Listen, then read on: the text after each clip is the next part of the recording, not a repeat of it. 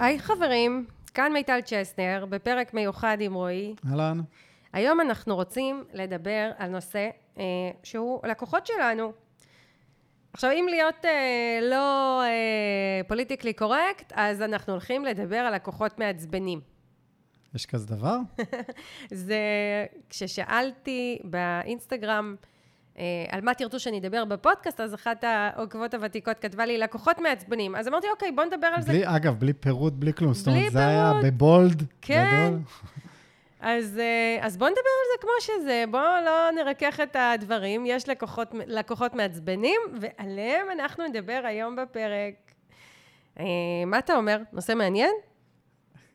תראי, זה נושא שאני נתקל בו חדשות לבקרים, אני לא יודע, כנראה זה מדבר, אומר משהו עליי ולא על הלקוחות, כן? אבל אה, בואי נדבר על זה, נראה. אולי כן. נפתור פה משהו. כן, מעניין אם הלקוחות מעצבנים, או שאנחנו מתעצבנים, או שניהם וכאלה, אבל, אבל באמת... זה, אה, זה נגיע לסוף. יש לי תחושה שהלקוחות פחות מעצבנים ממה שאנחנו עושים מהם. כן. אז, אז ככה, קודם כל, בואו נשים ככה דברים על השולחן בצורה ברורה. אה, במערך השיקולים שלנו, מערך הכוחות ש, שפועל על העסק, לקוחות הם אחד מהכוחות הכי משמעותיים. נכון? הם אלה שקונים מאיתנו, הם אלה שמזרימים את הכסף לתוך העסק, הם אלה שבסופו של דבר יחזרו לקנות, יעזרו לנו להפיץ את השם, את הבשורה. אה, אה, באמת, יש להם המון המון כוח, לא עלינו, אלא במשמעות הגדולה של העסק, ולכן זה נושא משמעותי. עכשיו, אה, לקוחות הם בני אדם, אנחנו בני אדם, והדינמיקה הזאת הרבה פעמים מייצרת רגש, ויש לקוחות שאנחנו מתים עליהם, ואנחנו אומרים, וואו, הלוואי והיו לי הרבה כאלה, וגם עסקים באים אליי ואומרים לי, יש לי את הלקוחה הזו והיא מדהימה, ובואי תעזרי לי להביא עוד כאלה. ויש לקוחות שהם בסדר, כאילו, אוקיי, לא הכוכבים הכי גדולים, אבל הם אחלה והם סבבה, ויש כאלה שממש ככה מוציאים אותנו מהכלים ומרגיזים אותנו, ו... או מה שנקרא, אנחנו מגלים שלא היינו רוצים לעבוד איתם, אבל ככה זה מה שנקרא, אה, אה, לקוחות יש מכל הסוגים, ו... אבל כן, יש דבר אחד שאני רוצה להגיד, ופה אני מדברת מתוך אה, 22 של ניסיון בשטח. עסקים אה, גדולים ורציניים שרוצים לייצר מחזורי כסף גדולים ואני חושבת שכל עסק שמקשיב לנו ובעיקר אלה שעוקבים אחריי בכל מיני ערוצים זה מה שהם רוצים. זאת אומרת בסופו של דבר בין אם אני שואלת מה המטרות שלכם לשנה הקרובה או בכלל רוצים הרבה יותר לקוחות הרבה יותר כסף. ו, אה, ויש פה איזושהי סתירה כי אם אני מחפשת או שואפת רק ללקוחות מסוג מסוים, שהוא החביב עליי, הנוח לי, המ- המוכר לי, הטבעי לי, אלה שזורם לי איתם, אז אני כנראה אשאר עם מעט מדי לקוחות ופוטנציאל הכנסה נמוך. כן, את אה, מצמצמת את, אה, את, את הפוטנציאל של הלקוחות שלך בצורה משמעותית. כי נכון? אם אנחנו באמת נפרוט את... אה, את יודעת, אם אנחנו מסתכלים על, על מארג הלקוחות שיש לנו, אז אנחנו יכולים במשורה להוציא את ה... נקרא לזה הכוכבים, כן? כאלה שעושים לנו טוב, כל אינטראקציה איתם עושה לנו טוב. הרוב זה אינטראקציה שהיא סבבה והיא, והיא נעימה והיא טובה, אבל הם לא, אנחנו לא חוזרים עם חיוך, כן? כן. ב, מ- מכל הלקוחות שלנו. אז אם היינו רוצים רק את ה... מה שנקרא, את העשירון העליון, נקרא לזה, לא היה נשאר לנו עסק, כנראה. נכון, עכשיו, זה לא שיש המון כאלה טובים ורק לא מצאנו אותם. זה לא עובד ככה. נכון. זאת אומרת, בוא נחשוב רגע על העסקים המאוד גדולים. אני אוהבת לתת אותם כדוגמה כדי שאנחנו נקבל אה, השראה, אבל אם אני מסתכלת על זרה, זרה לא הולכת ובוררת ובוחרת רק את הלקוחות הנוחות לה, או הלקוחות הנוחים לה. לא, כן. כולם קונים בחנות, יש לקוחות שלובשים את הבגד ומפרגנים וכיף להם, ויש את אלה שהם באמצע, ויש כאלה שבאים ומתלוננים ומחזירים ועושים רעש ובלאגן. לכולנו יש את זה. נתתי דוגמה של זרה, כל חנות, רשת, עסק בעולם, יש לו את מנעד הלקוחות הזה. והפתרון הוא לא לסנן לקוחות. הפתרון הוא לא אה, להחליט עכשיו, אלה הלקוחות שאני רוצה לעבוד איתם ואלה לא, אלא באמת לבחון איך אנחנו מתנהלים מול לקוחות לאורך הדרך, כדי בכלל לא להגיע למצבי הקיצון האלה. אני רק אסייג דבר אחד, אנחנו בני אדם, אני, אתה, כל מי שמקשיב לנו, ולשמחתנו אנחנו עסקים קטנים ובינוניים, וכן, יש לנו את הפריבילגיה לסנן. זאת אומרת, כן, מותר לי ולך להחליט אם זה אני לא עובדת, אם זאת אני לא עובדת, לה אני לא מוכרת, אותה אני לא רוצה, אותו אני מעדיפה לא לעבוד איתו. יש לנו את זה. אבל חשוב מאוד... בהנחה שעושים את זה במידה. בדיוק. שזה כן. לא יהיה, ש, שזה לא יהיה עכשיו איזושהי שיטת סינון שאנחנו כל הזמן מחפשים רק טייפקאסט אחד של לקוחות, אלא כן נהיה במצב שאנחנו מסוגלים לקבל מסה משמעותית של לקוחות ולעבוד גם עם אנשים שהם מאוד מאוד אחרים מאיתנו, ופה אני רוצה קצת לפרט. כן, לפני שאת מפרטת זה, יש לי איזה סיפור, קפץ לי כרגע לראש, סיפור מלפני 20 ומשהו שנה. הייתי באקדמיה, לימודים צבאיים, והיה לנו אחד החבר'ה, שזו תקופה, היינו בני 22-3, תקופת דייטים, היכרויות, דברים כאלה, והוא היה חזק בכל ה blind דייטים. עוד לפני אפליקציות ודברים כאלה, לפני שרואים תמונות והכול. וכל שבוע היה חוזר עם סיפור אחר. נפגשתי עם זאת, נפגשתי עם זאת, נפגשתי עם זאת, נפגשתי עם זאת, שום דבר לא יוצא. הוא כבר, מרוב שהוא הגיע למצב של uh, סינון, כמו שאת אומרת, uh, אני זוכר את הסיפור והייתי בהלם. הוא אומר, הלכתי, דפקתי בדלת, פתחתי את הדלת, ראיתי אותה, אמרתי לה, לא נראה לי זה יתאים, והלך. כאילו. ממש אוי ואבוי. בקיצור, אני אומר, זה, אז... כאילו, מגיעים לרמה כזאת של אה, חסימה רגשית. שזה הופך להיות פס ייצור. אה, בדיוק, אז אני אומר, אי אפשר לסנן ולסנן ולסנן בלי לתת אה, בלי צ'אנס. לתת הזדמנות גם לצד השני. בדיוק. להוכיח מהו. אז כן. ו... ואתה יודע מה, זה, זה, זוכ... בעסקים זה חלק מהאחריות הניהולית שלנו. חד משמעית, זה רק בצד שלנו. כן. יש לנו המון המון שליטה בעניין הזה. אה, אני יכולה לומר לך שנדיר, אני חושבת שאתה רואה את זה גם ואתה חי איתי, ואני בת אדם מאוד רגישה ואמוציונלית בהרבה מקרים, ועדיין סף הרגישות שלי הוא מאוד מאוד אה, מאוזן כשמדובר בלקוחות. נדיר שלקוח מרגיז אותי, נדיר שאני מתעצבנת ומתרגזת, נדיר שאני אומרת וואו לא יכולה להתמודד עם הלקוחה הזו, עם הלקוח הזה, נדיר מאוד. וזה קורה משום שאני באמת מתנהלת מול הלקוחות בצורה כמה שיותר מדויקת, באמת מניסיון של הרבה מאוד שנים, לא מאיזשהו אה, מת, מתנת אל שקיבלתי, אלא התנהלות נכונה, ואת זה אני בעצם רוצה לפרט היום ולהיכנס לזה, אז אה, נתחיל? יאללה. אז אני חושבת שהדבר הראשון, כשאנחנו עובדים מול לקוחות, אה, הדבר הראשון, אם אני מתעדפת את, את, את הדרך הנכונה להתנהל מולם, זה תיאום ציפיות נכון.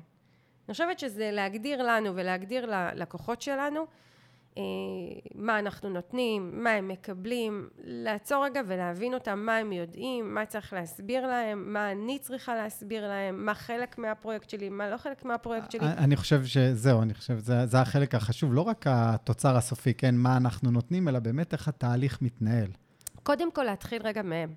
מה הם מביאים, מה הם מבינים, מה הם לא מבינים, באיזו סיטואציה הם הגיעו אלינו, אה, מה הם יודעים, יש כאלה שבאים לא מבינים כלום, יש כאלה שבאים עם אה, משקעים מספקים אחרים שהם עבדו איתם, יש כאלה שבאים עם חששות, יש כאלה שבאים עם לחץ מהבית, בן, בת זוג שמאוד מאוד לוחצים, אה, באמת באים עם, עם, עם איזשהו סך של ידע, חוסר ידע, רגשות, רגישויות, ברגע שאנחנו עוצרים קצת כדי להבין מי עומד מולנו ולכן אה, בעיקר כשאנחנו מדברים על אה, מוצרים תהליכיים שיש בינינו ובין הלקוח דינמיקה ארוכה זה לא כמו שמישהו בא אליי לקנות שמלה ואז זה לא כזה משנה אם אני אדע את ההיסטוריה שלו אבל אם מישהי בא אליי לתהליך ליווי או מישהו בא אליך לבנות אתר אז כן יש משמעות לדברים האלה, בעיקר במי שעובד עם לקוחות בתהליכים ארוכים. כן, זה חודשים ביחד, חודשים ושנים גם יכול להיות. נכון, ו- אבל גם, גם מי שמתעסק עם מוצרים יותר פשוטים, אני חושבת ש... אה, איזשהו, איזושהי הגדרה, איזשהו תיאום ציפיות, קצת הבנה של מי עומד מולנו, מה אנחנו מציעים לו, וגם במקום הזה יש את הגדרת קהל היעד. אני כשאני עובדת עם עסקים, אני אומרת, בואו נגדיר רגע מי קהל היעד. זאת אומרת, מי אני לא רוצה אצלי, מי אני כן רוצה אצלי, אנחנו מוודאים שיש פוטנציאל מספיק רחב, אבל uh, בעצם הגדרה כללית של קהל היעד, והבנה מי עומד מולי, את מי אני מקבלת, את מי אני לא, ומה אני מציעה. יחד עם הסבר ותיאום ציפיות, זה איזשהו בסיס שממנו אנחנו בכלל יכולים אה, אה, להתחיל לדבר על הנושא. כן. אני יכולה לתת לך דוגמה ממני, שאני מלווה עסקים במסגרת הקורסים שלי, אז אני בקורסים שלי הגדרתי בצורה ברורה שאני לא מקבלת עסקים שהם אה, לצורך העניין אין להם בכלל בכלל הם במצב אה, כלכלי מאוד מאוד קשה ואז אני יודעת שאין בכלל עם מה לעבוד אין מאיפה להתחיל, אין איך לפתח ולהשקיע, אין, כי, כי המצב לא מאפשר, וכשפונה אליי עסק שאני מזהה שזה המצב, אז אני בעצם מסבירה בצורה מאוד מאוד ברורה, מה שנקרא, למה זה יפריע לו להתקדם, ו, ואם הוא מצטרף, אז רק במידה ובאמת יש לו את אורך הרוח לעשות דברים. ואני גם לא מקבלת uh, עסקים שהם בהכנסות מאוד מאוד מאוד גבוהות. עסק עכשיו עם uh, הכנסות של uh, 20 מיליון שקלים בשנה, לא מתאים לפורמט הליווי שלי. כן. אלא אם כן הוא מפתח איזושהי יחידה עסקית חדשה שהיא קטנה ושונה. Um, אז... Uh, אז גם זה, זאת אומרת, ההגדרות הראשוניות האלה מאוד מאוד עוזרות לנו להבין עם מי אנחנו עובדים, עם מי אנחנו לא עובדים. אפשר גם להגדיר הגדרות ברמה של אה, סגנון של לקוח. אני לא מוכן לעבוד עם, נגיד סתם, אם אצלך מגיע, מגיע או מגיע מישהו ש...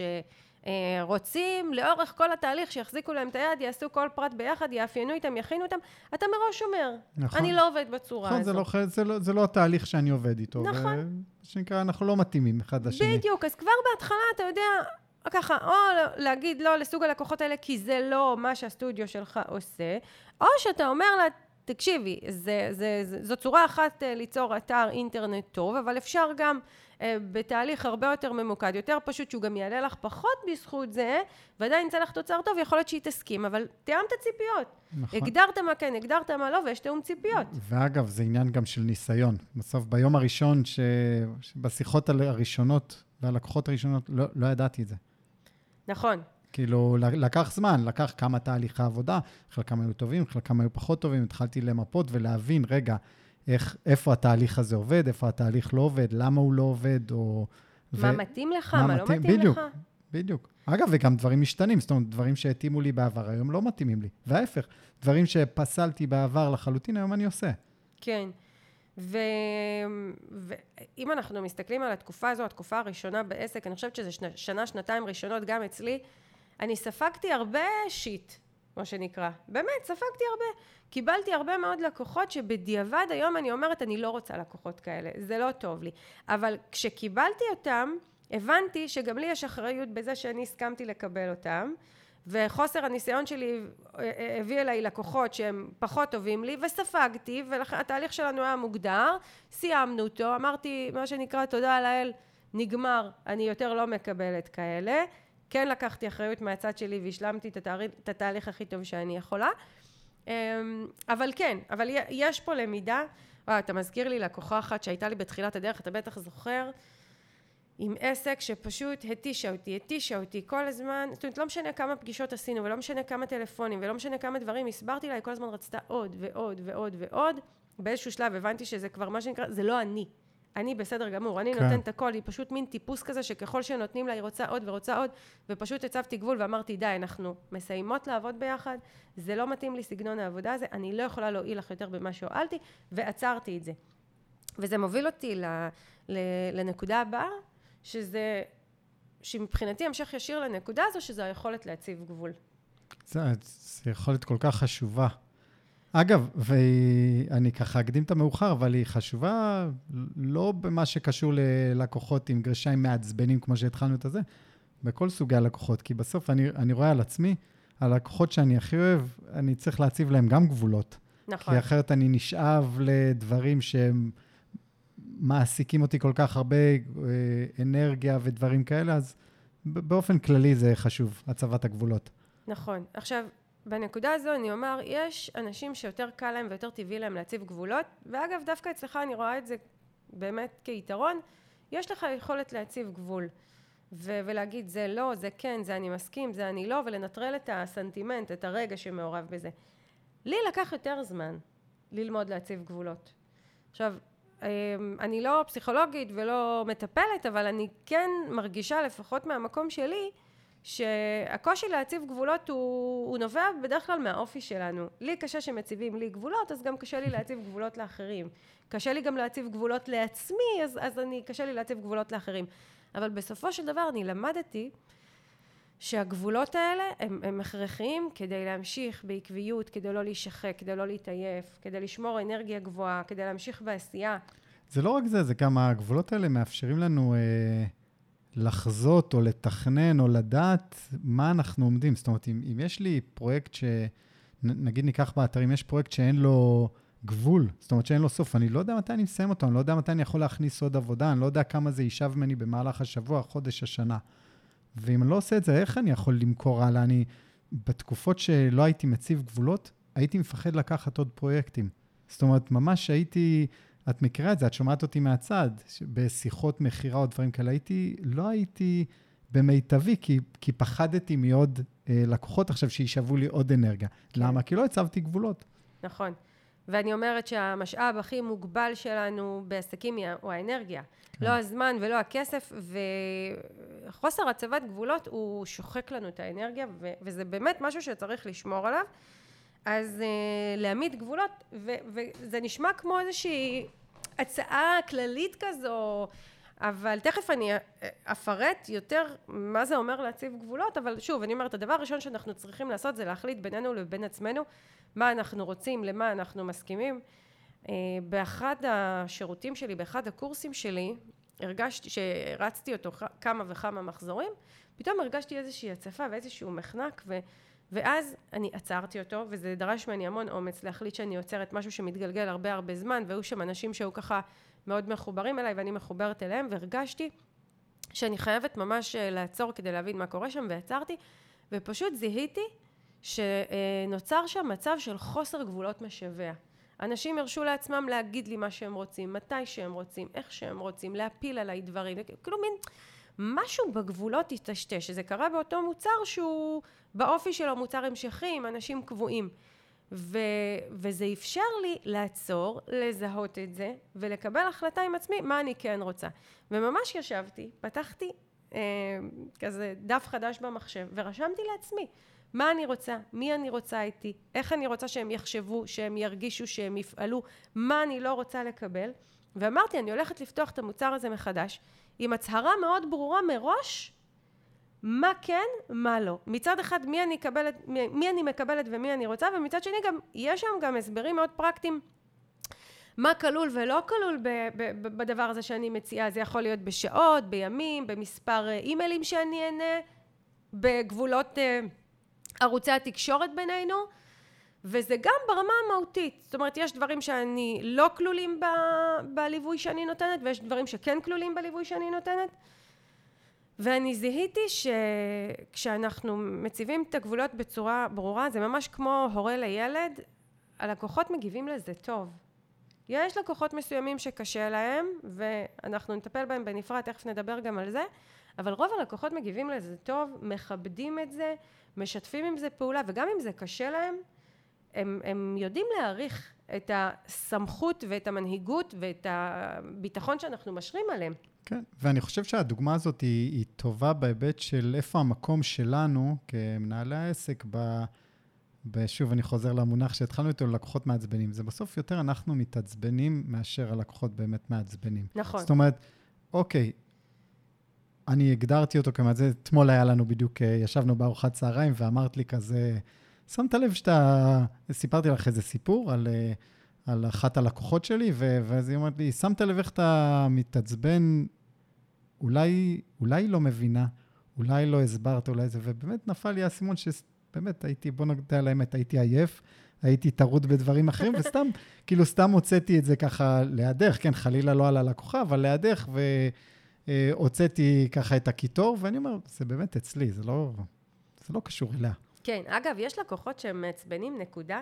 אספר לך סיפור. אה, בעלת עסק ש, שאני מלווה, יש לה חנות של בגדים. לקוחה קנתה ממנה לפני שנתיים בגד, חזרה אליה העונה עם הבגד יחד עם הטיקט, וביקשה ממנה לקבל את זה חזרה, כי היא ירדה במשקל וזה גדול עליה. שנתיים אחרי. אז בוא נשים את הדברים על השולחן, נכון. זו לקוחה מעצבנת, זה לא נכון. לא במקום. נכון. זה... אתה יודע, אנחנו צוחקים פה, אבל בתור בעלת העסק זה לא מצחיק, זה מרגיז, את צריכה להתנהל מול לקוחה כזאת, ויש לקוחות שאנחנו נגיד, סליחה, גברתי, לא במקום, אני לא עושה דברים כאלה, אני לא מחליפה פריט אחרי שנתיים, שהוא כבר מזמן יצא מהקולקציה שלי. אה, תראה, אה, מישהו הייתה באה אליי עם... פריט שלא יודעת מה, אם זאת לקוחה קבועה שקונה המון ו- ו- וזה מאוד נדיר שהיא עושה דבר כזה והפריט נמצא אצלי בקולקציה, יכול להיות שהייתי מקבלת את זה כי זה שווה לי לשמור על היחסים הטובים עם לקוחה, אבל זה לא היה הסיפור ו- וזה בהחלט מקרה מעצבן ומותר לנו להתעצבן, אנחנו כן. בני אדם. זה כמו הסיפור הזה, אני לא זוכר באיזה מסעדה היינו לא מזמן, ו... והמלצר או מלצרית, אני לא זוכר, סיפרה במין אה, נונשלנט כזה של יש לקוחות שמזמינים, והם בידיעה שאוקיי, אם לא טעים להם, הם מחליפים את המנה. ואנחנו הסתכלנו אחד על השני כאילו בשוק טוטאלי, מה, איך אפשר להתנהל ככה, אז כן, זה, זה כן, לקוחות זה ממש מעצבנים. לפגוע ב... זאת אומרת, זה בסדר שהזמנתי מנה והיא לא כמו שהזמנתי, נגיד, לא יודעת מה, הביאו את זה שרוף, הביאו את זה, לא יודעת מה, לא בשל, הביאו את זה חלילה פגום, אז להחליף את המנה הזו. אבל סתם להחליף כי לא טעים לי, זה ממש לפגוע במה שנקרא ברווח של בעל העסק, לפגוע לו במוצרים. אותי, כמי שמלווה עסקים, זה מאוד הרגיז. אבל אה, כן, יש דברים שהם מרגיזים, נקודה, ו... אבל, אבל, אבל ברוב המצבים אנחנו יכולים לשלוט על זה, כן. אנחנו מדברים. אז אני חוזרת לנושא של אה, הצבת גבולות, ו... ואני ממשיכה לדבר הבא בהצבת גבולות. הצבת גבולות מתחילה קודם כל כלפי עצמנו, והיא מתחילה בשלבים שהם הרבה לפני ה... שסגרנו עסקה ועבדנו עם לקוח. מה זאת אומרת? הרי עוד לא מתחילה- סגרנו את העסקה. זה איפה? אחד הדברים הכי חשובים שאני רוצה לומר פה, כי עסקים מפספסים את זה. הצבת גבולות מתחילה בשלב השיווק. היא מתחילה באינטראקציות השוטפות עם הקהל. היא מתחילה אה, בשלבים הראשונים שפנו אליי. אני אתן לך דוגמה של בעלת עסק שאני מכירה שהיא מאוד מאוד נדיבה והיא אחת הנשים שאני אוהבת באופן כללי, בטח ובטח כאשת מקצוע. והיא מעצבת פנים וכל הזמן, כל הזמן שואלים אותה בסטורי ובקבוצות מאיפה הפריט הזה ומאיפה הפריט הזה ואיך לשים את זה ואיך לעשות את זה ולכולם היא עונה והיא עונה והיא עונה והיא עונה באיזושהי נדיבות אינסופית. עכשיו, מצד אחד זאת נדיבות ואני גם מאוד מעריכה אותה, מצד שני זה מבלבל את הלקוחות. הם חושבים שזה בסדר לשאול הכל, לקבל הכל, לקבל את זה בחינם. הם לא מצליחים לשים את הגבול ולהבין מתי קונים ומתי לא. הם, הם, זה מבלבל אותם. לפעמים משהו שאני עושה מבלבל את הקהל. ונכון, אני רוצה לענות לכולם, נכון, אני רוצה לתת לכולם, אבל אחר כך אני לא מבחינה בזה, שכשלצורך העניין אני מפרסמת איזשהו שירות, הקהל לא קונה אותו, כי הוא יתרגל לקבל ממני הכל במתנה. עכשיו, הצבת הגבול בשלב הזה כבר, היא, היא הכרחית, כדי שכשאני אבוא ואמכור, הקהל ייענה. וגם אני חושבת שזה הגינות כלפי מי שכבר קנה מאיתנו, לדעת שיש, מי שקונה ממני יש דברים שהוא מקבל, ו- ומי שלא קונה ממני לא מקבל. נכון, וזה, קודם כל, זו דוגמה מצוינת, ואני חושב שגם אה, לך יש דוגמה כזאת של, אה, אוקיי, איך אני מתנהל, או איך את מתנהלת, ואיך את מתנהלת אחרי הרכישה. רגע, לפני הרכישה אני רוצה לתת עוד דוגמה מאצלי. אוקיי. אמ, זה, זה קורה גם אצלי בנושא של הייעוץ שיווקי וכאלה. לפעמים פונים אליי עסקים ו, ושואלים אותי שאלה מאוד פרטנית, זה יכול להיות באימייל, זה יכול להיות בהודעה ברשתות החברתיות, או אה, אפילו בקבוצה שלי. ואני גם, אגב, גם בהרצאות לפעמים יש את השאלות הפרטניות האלה. נכון. עכשיו, אני כבר למד... תראה, בעיקרון אין לי בעיה לענות. אני עונה באהבה, אני עונה בנדיבות, ואני גם מאוד אוהבת לעזור. אבל אני יודעת שזה בסופו של דבר עלול לבלבל את הקהל, וזה גם מבלבל אותי. ולכן אני מציבה גבול מאוד ברור, ואני אומרת דבר כזה. שאלות כלליות שאני יכולה לענות עליהן באופן עקרוני, תעלו בשמחה לקבוצת הפייסבוק שלי, שם אני עונה לשאלות כאלה, כי קבוצה גדולה מאוד של אנשים יכולה לקרוא ולהבין, ומה שנקרא... ולהתערם. ולהתערם, ואני מנצלת את העובדה שאני עונה לשאלה בצורה שהיא גם משרתת אותי. אבל שאלות פרטניות על העסק, שאלות נקודתיות על עסק זה או אחר, אני אומרת, בואו ללמוד איתי בצורה מסודרת כמו שצריך, ואז אני אוכל לענות לכם על זה. עכשיו, יש פה שתי מטרות. אחת, אני חושבת שזה לא מקצועי מבחינתי, לתת עצה על הדרך לעסק שאני לא מכירה. נכון. אה, עצה פרטנית, לא מדברת על עצה כללית, עקרונית. דבר שני, כן, אני מציבה פה גבול ברור. יש דברים שבשביל לקבל ממני את המידע, צריך לקנות. והצבת הגבול הזו, א', היא עושה לי טוב, כי היא מייצרת לי שקט שאני מציבה גבולות באופן ברור, ו- ואני מקבלת תמורה על הידע שלי ועל התרומה שאני נותנת לאנשים. ומצד שני, היא מעבירה מסר מאוד ברור ללקוחות. אתם רוצים את הידע שיש לי לתת, בואו תקנו. ואם אני מחבר את זה לדוגמה הקודמת של מעצבת הפנים, זה גם הדבר השלישי שזה נותן, זה מסנן רעשים. נכון. כי אם היית עונה עכשיו על כל, אה, על כל שאלה כזאת, זה הרי שאלות עמוקות בסוף, כן? אז, אז כל היום היית מתעסקת בדברים האלה. נכון, נכון. עכשיו תשמע, זה נוגע בהרבה מקומות רגשיים, הנושא הזה של uh, לענות לאנשים ולתת להם. א', יש עסקים, וגם אני, אני מודה שבנינו את עצמנו ככה. אני בניתי את עצמי מלתת המון, המון, המון, המון בחינם. כן. ופתאום להתחיל לסנן את מה שאני נותנת, ומה שאני עונה, וכמה שאני עונה, זה תהליך שהייתי צריכה לעבור עם עצמי.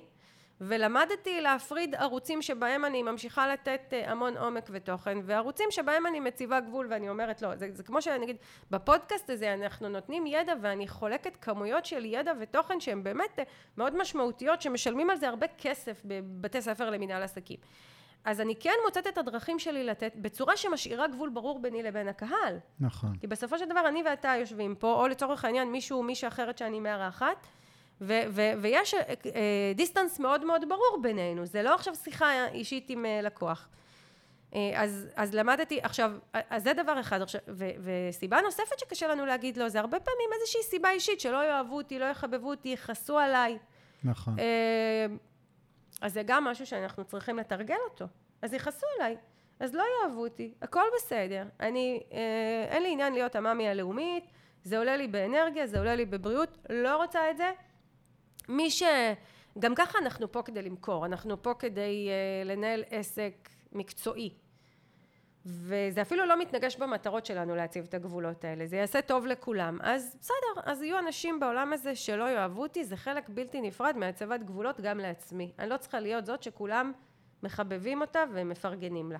כן, אני חושב שהחלק הזה, אבל הוא, אה, הוא, הוא קשור... אה, באופן אישי לצד האישי שלנו, ולאו דווקא לצד של העסק. זאת אומרת, זה נכון. באמת, זה לא מתנגש ב, בעסק ובמטרות שלו, אבל, אבל באופן אישי אנחנו, זה עושה לנו איזה צביטה או איזה קווץ' בבטן, ואף אחד לא אוהב את זה. נכון מאוד, בדיוק על זה אני מדברת. להיות גם מודעים לעצמנו, למה אנחנו מרגישים, למה אנחנו לא מציבים גבולות. ואנחנו מתחילים את זה בשלבים הראשונים של תקשורת שיווקית עם הקהל, וממשיכים את זה לתוך המוצרים שלנו.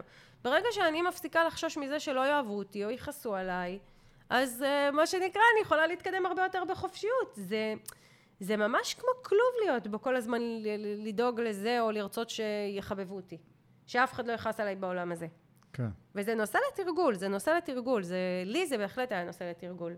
להסכים להיות זו שכועסים עליה ומתאכזבים ממנה, ולהמשיך קדימה בדרך שלי. אז זה דבר חשוב. מכאן אני מגיעה לעוד אה, נושא, וזה גם לגלות אמפתיה ללקוחות. גם הלקוחות הכי מעצבנים, גם הלקוחות הכי מרגיזים, גם הלקוחות הכי... שמטרידים אותנו כביכול בזוטות. אמ, לעצור שנייה ולגלות אמפתיה. לפעמים עובר על אנשים דברים פרטיים, לפעמים עובר על אנשים, אה, הם פשוט לא יודעים, לא מבינים. לפעמים הם היו אצל ספק אחר שהם כל כך נפגעו ממנו שכל דבר קטן בתהליך איתנו מדליק להם איזושהי נקודה רגישה. כן. ואתה יודע, אפילו, אפילו לפעמים זה, דיברתי על זה מקודם ככה בקצרה, לחץ מבית, אה, בן זוג לא מפרגן שכועס, אה, למה קנית את זה, למה קנית את זה, והיא באה להחזיר והיא מספרת לנו סיפור אחר, אבל אני בנקודה הזו אומרת, בואו נגלה אמפתיה, תראו, אם, אם מתאים לי אני אחזיר, אם לא מתאים לי אני לא אחזיר, אבל אמ, לא מיד לקפוץ ולכעוס, ולא מיד לראות רק את הצד שלנו. אם uh, מישהי שבוע לפני ההרצאה שלי מספרת לי איזשהו סיפור שבגללו היא רוצה לבטל את הרישום, אז זה יכול מיד להקפיץ אותי ואוף איזה מעצבן וכל פעם לפני הרצאה יש את אלה שמבטלים לי שבוע קודם והתכוננתי וכבר סיימתי למכור או שאני יכולה רגע לעצור ולהבין מה קורה שם ולקבל החלטה שהיא טובה לי וטובה ללקוחה אז גם לגלות אמפתיה. כן, ולרוב זה תמיד, לרוב זה יבוא לטובתנו. לרוב זה יבוא לטובתנו. אני היה לי לא מזמן אה, עסקה שסגרתי עם אה, לקוחה אחרי שיחה, היא עשתה ככה סקר שוק כזה, ו...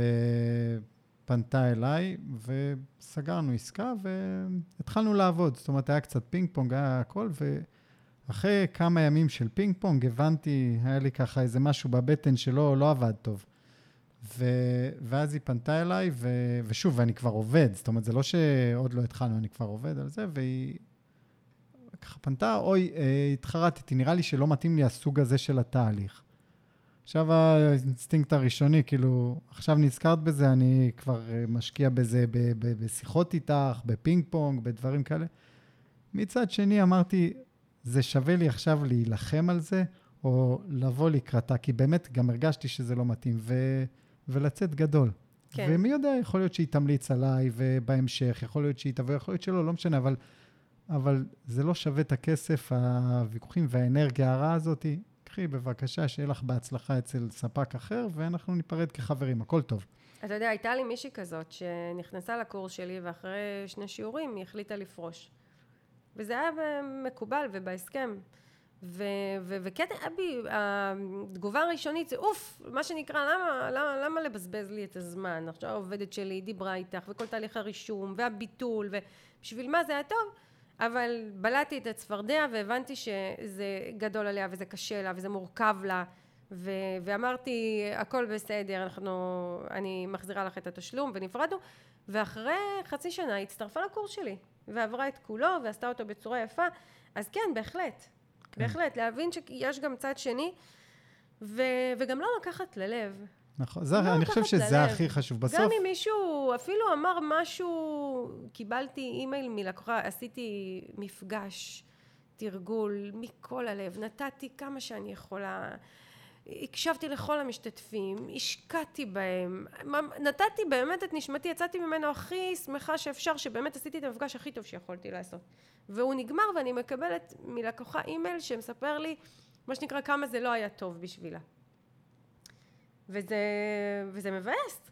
כן. זה מבאס, אבל ממש החלטתי שאני לא לוקחת ללב, כי מתוך מפגש של 20 משתתפים, היו שם 19 משתתפים שפרגנו ואמרו לי תודה, ואיזה כיף היה, ובזכותך אני מתקדמת, ונתת לי השראה, ויש שם אחת שזה פחות עבד לטוב, אז א', אני אגלה אמפתיה ואבין למה, כי יכול להיות ש, ש, שזה משהו עם עצמה, שהוא לא קשור אליי.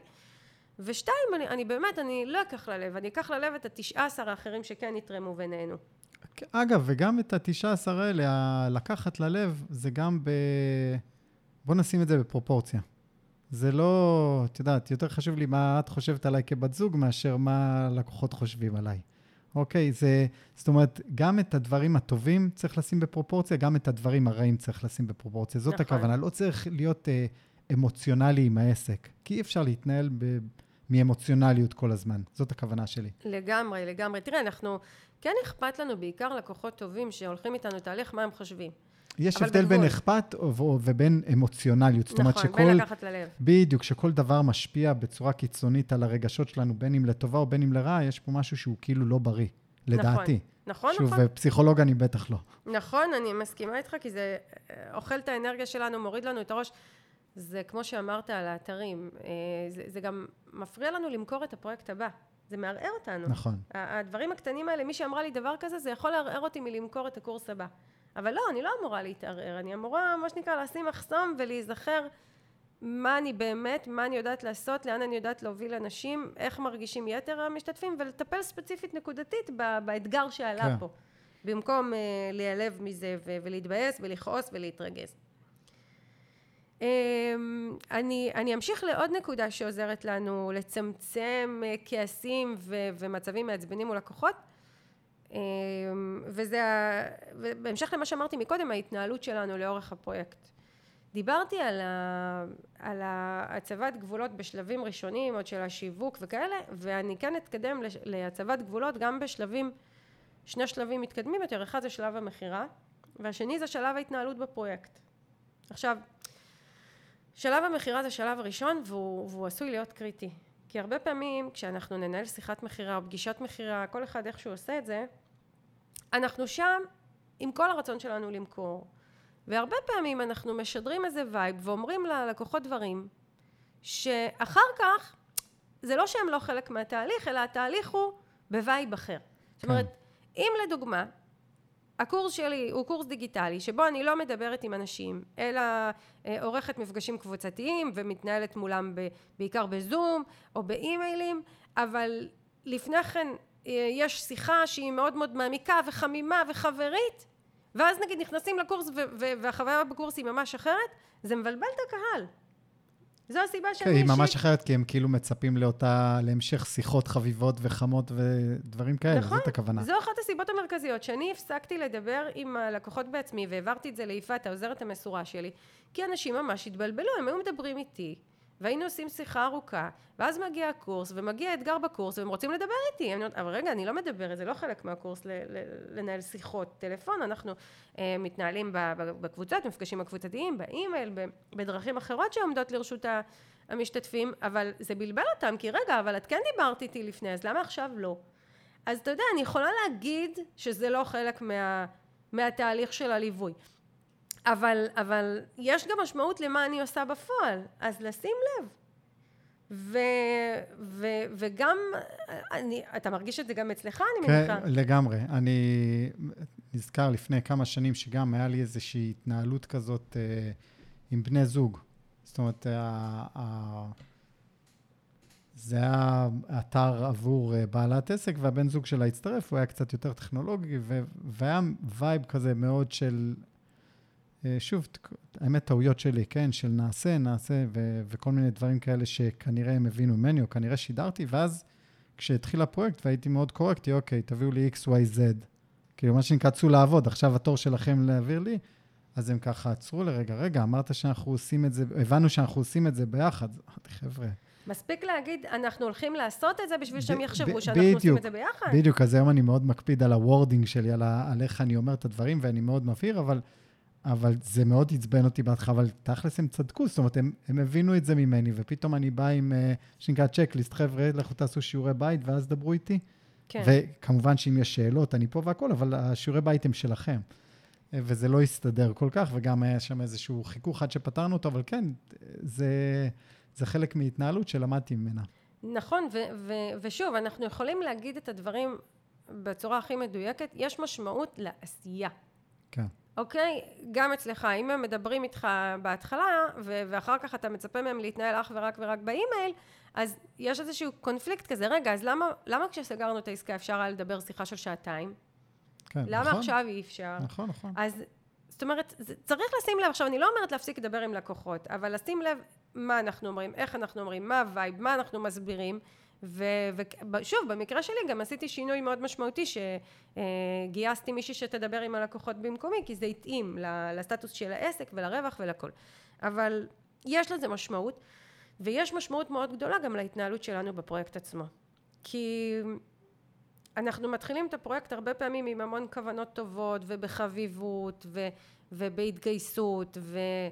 ורוב הלקוחות יגיבו טוב ויגיבו לזה כמו שנרצה ויהיו אחלה ויש כאלה שיהיו ממש טובים ויש כאלה שיהיו בסדר אבל יש כאלה שמבינים את זה לא נכון. ולכן אני יכולה להגיד לך שאני למדתי להציב גבולות גם לאנשים הכי חביבים, הכי מגניבים, שאני הכי אוהבת. וזה משהו שהיה לי באחד הקורסים האחרונים, היה קורס שלא קרה לי הרבה מאוד זמן שהייתה לי התנגשות אם לקרוא לזה ככה עם שלוש משתתפות שונות שלוש משתתפות כן, שונות. כן, זה באמת לא קורה לך. כן, עכשיו, מה זה התנגשות? זה משתתפות שכאילו לא הבינו אותי, אני לא הבנתי אותם, אה, ציפו להרבה מעבר, וזה, אלה היו שלוש משתתפות שמה שנקרא השקעתי בהם כמו שלא השקעתי מעולם, ועדיין שלושתם כאילו כל הזמן היו בחוויה של חוסר שביעות רצון. ואז דיברתי עם אה, גיסתי, ענבל החכמה, שהיא אשת הסוד שלי, ואיתה אני מדברת כשאני מגיעה ככה למין מועקות כאלה, והיא אמרה לי, היא אמרה לי, מיטל, לכי קצת אחורה ותבדקי איך התנהלת לאורך הקורס מולן, מה כתבת, מה שידרת. לפעמים אנחנו משדרים משהו כל כך חביב וחברי ואנושי, והלקוחות שמולנו מתבלבלים ושוכחים שיש בינינו בסופו של דבר יחסי עבודה, ויש כן. לי אחריות ויש להם אחריות, ולא הכל אנחנו עושים ביחד, ואיפה עובר הגבול בין מה אני נותנת למה אתם מקבלים, מה אני עושה למה אתם עושים, מה התפקיד שלי בפרויקט, מה התפקיד שלכם, זה מבלבל. ואני למדתי גם עם ה... אנשים שאני הכי אוהבת והכי חביבים בעיניי, לשים את הגבול. גם כשאני חביבה, גם כשאני מתמסרת, להסביר את הגבולות בצורה מאוד ברורה. ולהיזהר, להיזהר מהמקומות האלה, כי בסוף זה חוזר אליי כמו בומרנג, לא מכל לקוח, אבל יבוא הלקוח שזה בום, מתפוצץ לי בפרצוף. כן. אני חייב להוסיף משהו ככה, סיפרת בדיוק על, אה, על ענבל המהממת, אז בסוף, אה, אני חושב שאמרנו את המונח הזה כמה פעמים, זה בדידותו של, אה, של מנהל העסק, בסדר? של המפקד. של בדידותו של המפקד, כן. בקיצור, אנחנו לבד בכל קבלת ההחלטות ובכל הדילמות והכול, אבל זה שיש איזה מישהו חיצוני, נגיד, את עבורי כזאת, כן? שיש לי איזה משהו, אז אני מספר לך, ואת מכניסה אותי הרבה פעמים לפרופורציות. אז כן. דבר טוב שיש. זאת אומרת, אה, לשתף ולהבין, רגע, אוקיי, הבנתי. זה לא... הוצאתי את הקיטור, אבל רגע, הכנסת אותי לפרופורציות כמו מה שקרה אתמול בארוחת צהריים. דבר כן, טוב, כן. חשוב. לגמרי, לגמרי, ו- ואתה יודע, איש סוד, אשת סוד, או חבר, חברה, לא חייבים להיות מנהלי עסק כמונו. כן, כן, ברור שלא. לפעמים זה, זה פשוט צריך להיות מישהו, מישהי שאנחנו מעריכים. ו- וגם אם אין לנו את זה, יש היום כל כך הרבה קבוצות בדיוק. בפייסבוק, אפשר פשוט לבוא, לשתף. אגב, אני רואה בקבוצות שלך, בעיקר של הבוגרים ודברים כאלה, שאנשים משתפים דווקא את הדברים האלה. רגע, יש לי לקוחה שעשתה ככה, איך הייתם מתנהלות, מה זה? נכון. וזה מאוד uh, עוזר, זה גם כיף לקרוא את זה. נכון, נכון, נכון, וזה כיף, וזה הרבה פעמים פותח את הראש, ואני בדיוק. הרבה פעמים קוראת את זה ומקבלת רעיונות, ואומרת, איזה יופי של חשיבה, לא נכון. לא, התייח... לא חשבתי אפילו. נכון. ו... והגמל לא רואה את הדבשת שלו. אנחנו אה. בטוחים שאנחנו רואים הכל, שאנחנו אובייקטיביים, ושאנחנו בסדר, ושאנחנו... הם, הם המעצבנים, הם לא מבינים, הם ה... לא, לא, לא. ב-99 אחוז, לא ב-100 אחוז, 99 אחוז מהמקרים יש לנו חלק לא קטן בזה שהגענו למצב הזה. ושוב, אני אומרת בפירוש, וגם התחלתי את הפרק בזה, האחריות היא שלנו. נכון. אנחנו מנהלי העסק, אנחנו רוצים את הלקוחות, אנחנו רוצים כמה שיותר לקוחות, אנחנו רוצים בסופו של דבר להיות מסוגלים לקבל גם לקוחות מרגיזים כדי ליהנות מנפח מכירות גבוה, אנחנו צריכים שההתנהלות שלנו והעשייה השוטפת שלנו תהיה כזו שמסוגלת להכיל את זה ולא נחלשת, מאבדת אנרגיה, מתרגזת. כן, זה, זה, זה מצחיק, מזכיר לי את אתמול עוד פעם. אה, כל מי שהורה פה, אני מניח שיזדהה, ש... יעל האמצעית שלנו חזרה נסערת מבית ספר ממש, והוא, והיא לא בסדר, והיא לא בסדר, והיא לא בסדר. וככה, אחרי זה נסעתי איתה איזה חצי שעה, הייתה לנו נסיעה ביחד, והיא לא הייתה מסוגלת לראות איפה המקום שלה בכל הסיטואציה הזאת. עכשיו, לי מהצד, ברור שגם לה יש מקום. את יודעת, לא נכנסתי לזה, בכל זאת טינג'רית וכזאת, אבל זה מצחיק איך אה, מהצד אנחנו לא רואים את זה. זאת אומרת, היא לא ראתה בכלל, מבחינתה היא לא אשמה בכלום. היא התנהלה הכל כמו שצריך, וכל העולם דפוק סביבה. אז זה אומנם קיצוניות של אה, טינג'רים. זהו, אני אה, בהמשך כן. לסרט שראיתי השבוע על טינג'רים, טינג'רים, המוח שלהם בנוי בצורה כזו שהם מגיבים בצורה מאוד מאוד מאוד אמוציונלית, עד כדי שההיגיון לא נכנס לתמונה. כן, אבל בוא נודה אז... על האמת, גם אני לפעמים אה, מתנהג ככה. בדיוק, אבל, אבל זהו, אבל אנחנו כמבוגרים, א', הבשלות הרגשית שלנו כן מסוג... אמורה להיות מסוגלת להכיל נכון. את זה. ו- וכן, לפעמים אנחנו גם uh, מתעצבנים. ושוב, מותר לנו להתעצבן, מותר לנו להתרגז, וכל עוד זה נעשה בתוך הבית וזה בגבולות, הכל בסדר. אז בסדר, אז פרקת אתמול קצת קיטור, ואוקיי, סבבה, נגמר. Uh, אני פשוט, הסיבה שאני מדברת על הדברים פה, כי אני לא רוצה שעסקים יפספסו כמות לקוחות גדולה, רק מהחשש הזה ש... שיבואו לקוחות שהם לא מתאימים לנו והם אה, לוחצים לנו על נקודות רגישות. לא רק זה, לא. גם שלא יוציאו את העצבים בגרשיים על הלקוחות, כי אז חבל. זאת אומרת... תראה, לרוב זה לא מגיע לזה. לרוב האנשים שבאים ומספרים לי על uh, לקוחות מרגיזים, הם דווקא אלה שכן מסוגלים להכיל ולא יורים חזרה. אבל אני, אני שוב אני אומרת, אני, אני יודעת מה אני אומרת, כי אני כל כך הרבה באינטראקציה עם עסקים, שהם נורא רוצים לגדול, ובמבחן המציאות הם מסננים הכל, כי זה מרגיז, כי זה לא מתאים לי, כי זה שונה, כי זה לא הטיפוס שלי, כי זה לא יעשה את הדברים כמו שאני רוצה. חבר'ה, אי אפשר להגיע לנפחי מכירות גבוהים אם אני מסננת בצורה כזו. הדרך הנכונה לעבוד היא להיות מסוגלת כמה, להכיל כמה שיותר לקוחות ולווסת את אופן העבודה ולעבוד בצורה נכונה ש... אה, ש... שבעצם לא מונעת מראש ומצמצמת את הסיכון לכעסים והתרכזויות, וגם אם הם קורים, אז לנהל אותם נכון. כן. אמ, ולפני שאני מגיעה ל... בוא נגיע לנקודה האחרונה, הנקודה האחרונה שכדאי לשים בעניין הזה, לשים אליה לב, זה לשים לב לעצמנו. לפעמים אנחנו, בלי קשר לשום דבר, נמצאים בתקופה לחוצה, טרודה, עייפה, לפעמים עברנו משהו, לפעמים אנחנו לא מרגישים טוב פיזית, חולים, מישהו בסביבתנו לא מרגיש טוב. מה שנקרא, יש עלינו לחצים מבחוץ, עומסים מבחוץ, וסף הסב, היכולת של, סף הסבילות וההכלה שלנו מול הקהל יורדת, יורד, הסף יורד, ו, ו, ודברים שבשוטף לא, לא מרגיזים אותנו, פתאום כן מרגיזים אותנו. אז גם לשים לב לזה.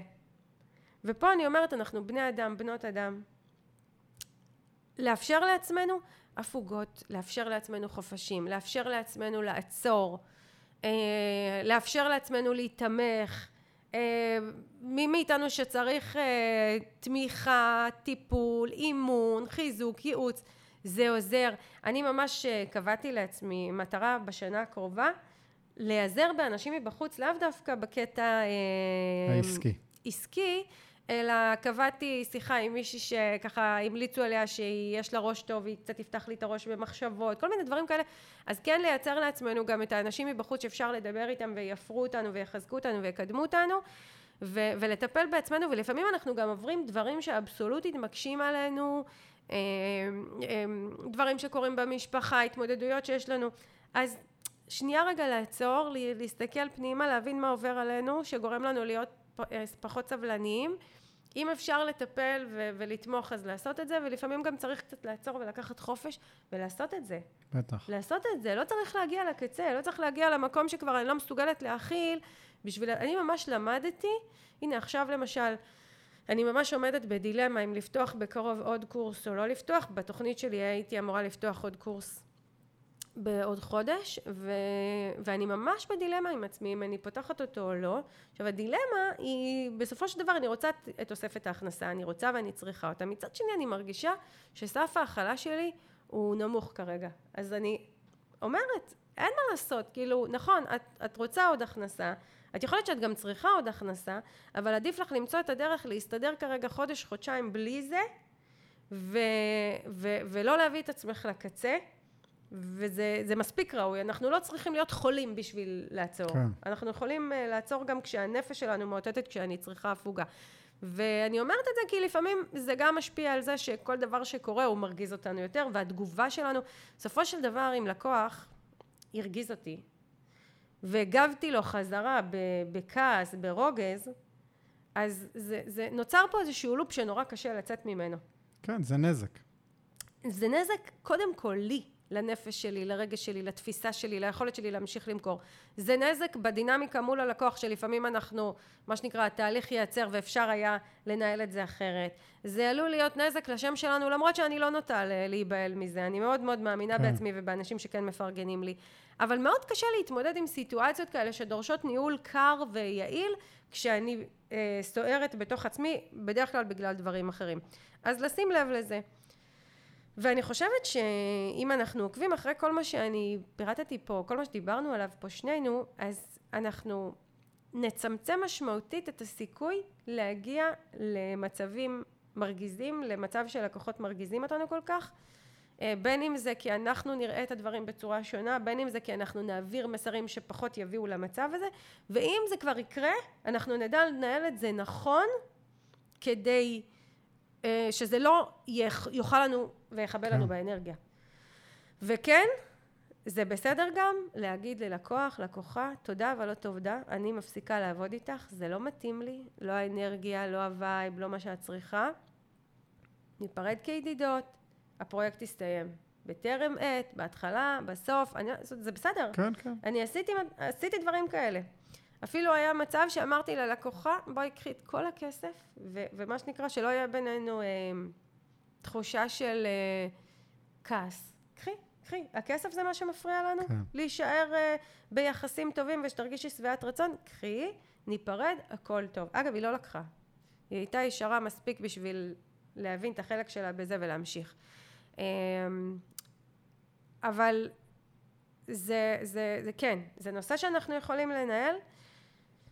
ולסיכום הפרק הזה אני רוצה להגיד את אחד הדברים הכי חשובים שיש לי להגיד. אה, חשוב לי מאוד שאנחנו לא כל דבר ניקח על עצמנו. אנחנו לא להתייחס לנושא הזה של אה, אני מתרגזת אז, אז אני אשמה, אני לא בסדר. לא ניהלתי את זה נכון, התרגזתי ו, ו- וכאילו עשיתי את הדברים לא בסדר, ושמישהו יחשוב שאני מאשימה אותו, או שאני שיפוטית, או שהפרק הזה בא להצביע על מה לא בסדר בנו. כי אני סולדת סלידה מוחלטת מהמחשבה שאנחנו אחראים לכל. אנחנו לא אחראים לכל. נכון. אנחנו בני אדם, ובפירוש יש דברים שמרגיזים, ובפירוש יש דברים שמעצבנים, ובפירוש יש מצבים שאני לא רוצה את הבן אדם הזה מולי, או את האישה הזאת מולי. וזה לגיטימי וזה בסדר גם להיות במקום הזה שמתרגז ואומר לא, ו- ומה שנקרא לרקוע על הרצפה ולהוציא קיטור וגם לפטר לקוח, זה לגיטימי. הסיבה שאני כן מתעכבת על זה, זה לא מהמקום המאשים, וזה לא חלילה מהמקום שמלכי עסקים, אלא מהסיבה שאני כן רוצה שלעסקים יהיה מקסימום פוטנציאל מכירה, ושכן יהיה מסוגלים להכיל מקסימום לקוחות בצורה טובה לנו ולהם. נכון. אז זהו, זה הסיכום של הפרק. יש לך עוד מה להוסיף? לא, סיכמת את זה יפה מאוד. אני שמחה, אני שמחה, אני באמת ככה... גורם, אגב, גורם לחשוב, את יודעת, בתור uh, מישהו uh, אמוציונלי הרבה פעמים, זה גורם לחשוב בפרק הזה. אתה יודע, נראה לי, אנחנו שנינו בעלי עסקים, קודם כל אנחנו ביחד כבר uh, uh, 20 שנה, כן. והשנה, כן, 20? קצת יותר, 21. ו, וכל השנים אני הרגשתי שאני האמוציונלית ואתה היציב. ומאז ששנינו בעלי עסקים, אני מרגישה שאני יותר ויותר יציבה ואתה יותר אמוציונלי. שזה מאוד חביב בעיניי, אי אפשר שתהיה מושלם בכל. אה, אז רק, כן. רק בערוב. רק בערוב. אז זהו, אז כן, אז אה, כן, אני, אני מאוד מקווה שזה מעורר מחשבה, וחלילה לא נתפס אה, למישהו כאשמה. אז זהו, אז אני אסכם את הפרק הזה, ואני אגיד כל הכבוד לעסקים שמקשיבים לנו ושואלים שאלות ומעלים נושאים להתמודדות. ו... סליחה, רגע, לפני שאני מסכמת, שכחתי משהו חשוב.